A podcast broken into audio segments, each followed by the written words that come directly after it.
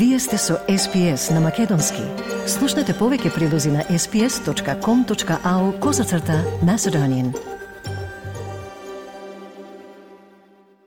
Во денешниот билтен, австралиската министерка за животна средина се надева дека светските лидери ќе можат да се договорат за амбициозните цели на самитот за биолошка разновидност КОП-15 во Канада.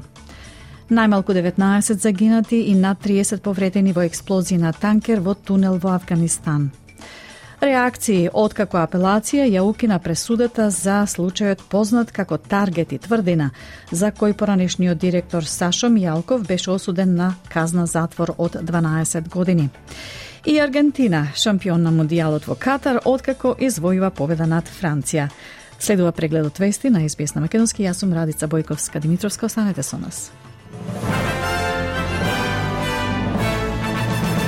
Министерката за животна средина се надева дека светските лидери ќе може да се договорат за амбициозните цели на самитот за биолошка разновидност КОП-15 во Канада. Тања Плиберсек вели дека Австралија сака 30% од копното и океаните да бидат заштитени до 2030 година. Кина која е домаќин на самитот во Монтреал поднесе предлог како дел од целта да се поврати загубата на биолошката разновидност и да се заштити природата. Со предлогот се бараат 23 акции за да се постигне целта до крајот на деценијата. Министрите од речиси 200 влади во светот сега ќе одлучуваат за рамката за глобален договор. Министерката за животна средина Тања Плиберсек за ABC радио изјави дека се надава дека ќе може да се живее во како што го нарече позитивен свет на природата до 2050 godina. We managed to agree to net zero in Sharm el Sheikh. What we'd like to see out of this conference is an agreement that we've got to halt the biodiversity loss we're seeing and reverse it and be living uh, in a nature positive world by 2050. Јужниот брег на Викторија ќе стане дом на првата австралиска офшор зона на електрани на ветер. Сојузната влада објави дека на 15.000 квадратни километри од брегот на Гипслен ќе бидат поставени турбини по консултации со државната влада и локалниот совет. Ветерните турбини ќе бидат лоцирани на 10 километри од брегот за да се ограничи визуелното влијание и влијанието врз животната средина. Проектите за офшор зона на електрани на ветер на локацијата се очекува да подржат вкупно 6000 работни места во фазата на развој и изградба и за време на тековното работење. Премиерот Антони Албанезе ја истакна потребата од поголеми трошоци за одбраната, биде, бидејќи привремен извештај предупредува на зголемени регионални закани. Премиерот за Nine Newspapers изјави дека Австралија треба да се подпира на собствените можности со поусовршени воени способности. Господин Албанезе го зема предвид доверливиот извештај од поранешниот министр за одбрана Стивен Смит и поранешниот началник на одбранбените сили Енгус Хјустон. Во извештајот има повик за подобри воздушни и поморски способности со потенцијални намалувања на армиските хеликоптери, тенкови и други пешадиски возила. Господин Албанизи исто така застана во одбрана на одлуката за одржување на планот од 100 милиарди долари за подморници на нуклеарен погон, инсистирајќи дека тие се потребни. Сојузната влада објави дека незиниот следен парламентарен приоритет ќе биде справување со кризата со достапност на станови. Објавени се предложените закони за основање на идниот фонд за домување во Австралија од 10 милиарди долари, кој ќе обезбеди финансирање за нови социјални и достапни домови. Владата исто така ќе се обиде да формира два независни советодавни одбори со консултации за двата, отворени до средината на јануари, пред парламентот да почне да заседава следниот месец. Ново моделирање открива дека вакцинацијата против COVID-19 низ целата земја се проценува дека го намалило влијанието на вирусот врз економијата за 181 милиарда долари. Истражувачкиот труд од BioIntellect и Универзитетот Викторија, а подржан од Pfizer Australia, открива дека бруто домашниот производ би добил удар од 395 милиарди долари поради вирусот и заклучувањето. Но со успешната програма за вакцинации, проценетото вистинско влијание било 214 милиарди долари од периодот од јануари 2020 година. Огромното прифаќање на вакцините исто така придонело за позитивни резултати во секторите за туризам и образование. Две лица загинаа во пожар во куќа во Лара, во близина на Джилонг, во југозападниот дел на Викторија. Властите соопштија дека пожарот избувнал во домот околу 4 часот и 45 минути утринава, а на местото на настанот биле пронајдени две тела. Причината за пожарот не е позната. Утврдено е место на злосторството додека детективите вршат увид. Најмалку 19 лица загинаа, а 32 се повредени откако цистерна со гориво експлодира во тунел северно од афганистанската престолнина Кабул. Портпаролот на провинцијата Парван, Саид Химатула Шамим, вели дека во експлозијата во тунел во саботата вечерта загинале најмалку 19 луѓе меѓу кои жени и деца.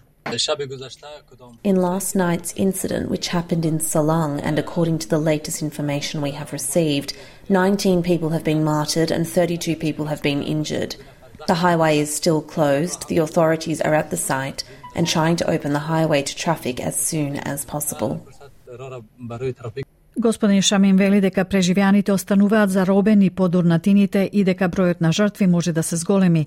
За сега не е јасно што го предизвикало инцидентот, кој се случи во саботата навечер во тунелот Саланг, кој е клучна врска меѓу северот и југот на земјата.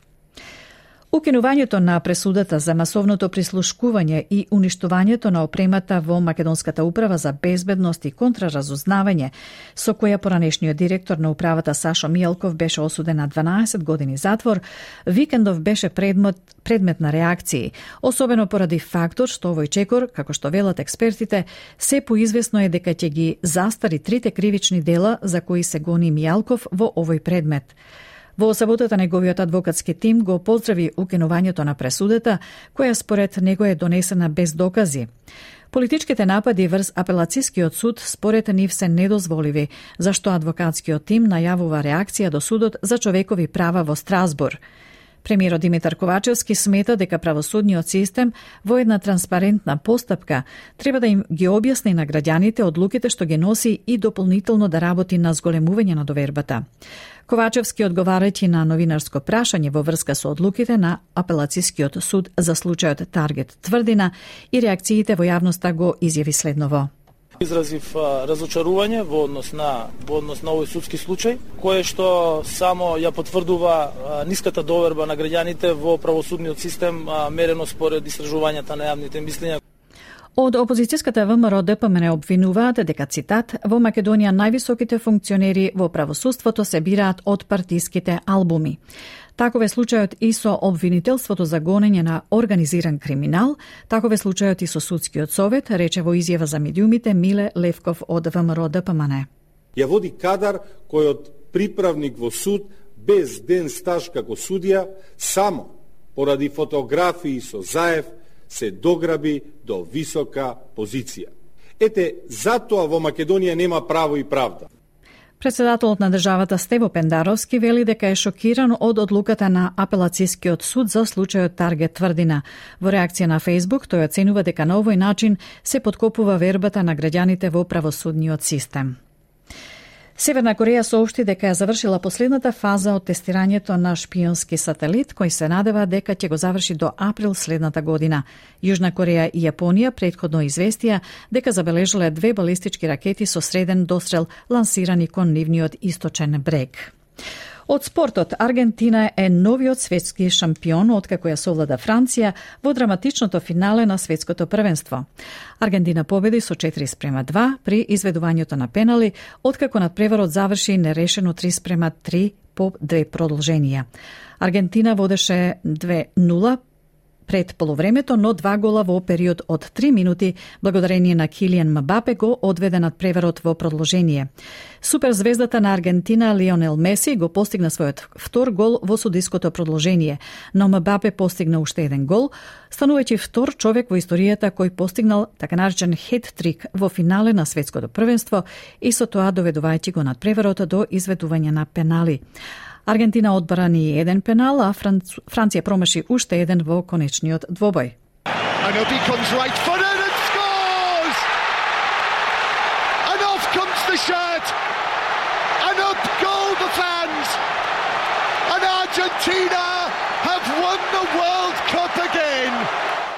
Ова е трета светска титула за Аргентина по победите во 1978 и 1986 година. И уште една спортска вест, Австралија обезбеди рекордни 13 златни медали на пливачкиот надпревар во Мелбурн, Фина.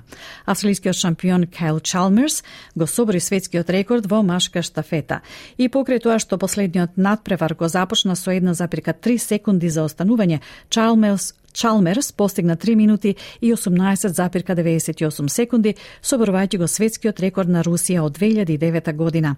Тимот исто така го собори рекордот од 12 медали, добиени на пливачките надпревари во 1995 и 2006 година. Ема Мекјон исто така влезе во историјата со победата на пливачката трка на 200 метри грбно.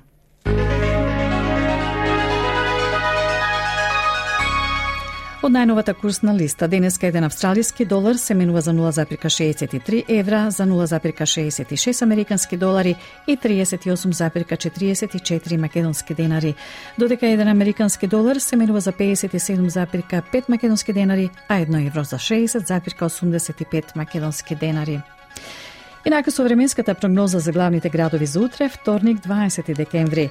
Перт претежно сончево, максималната ќе се искачи до 35 степен, Аделаид слаби повремени врнежи, максимална 31, Мелбун сончево 27, облачно за Хобарт 19, Камбера сончево 23, Сиднај делумно облачно 23, Бризбен претежно сончево 27, Дарвин слаби повремени врнежи и можна бура 33, слично и за Алис Спринг со слаби повремени врнежи и можна бура и максимална до 35 степени.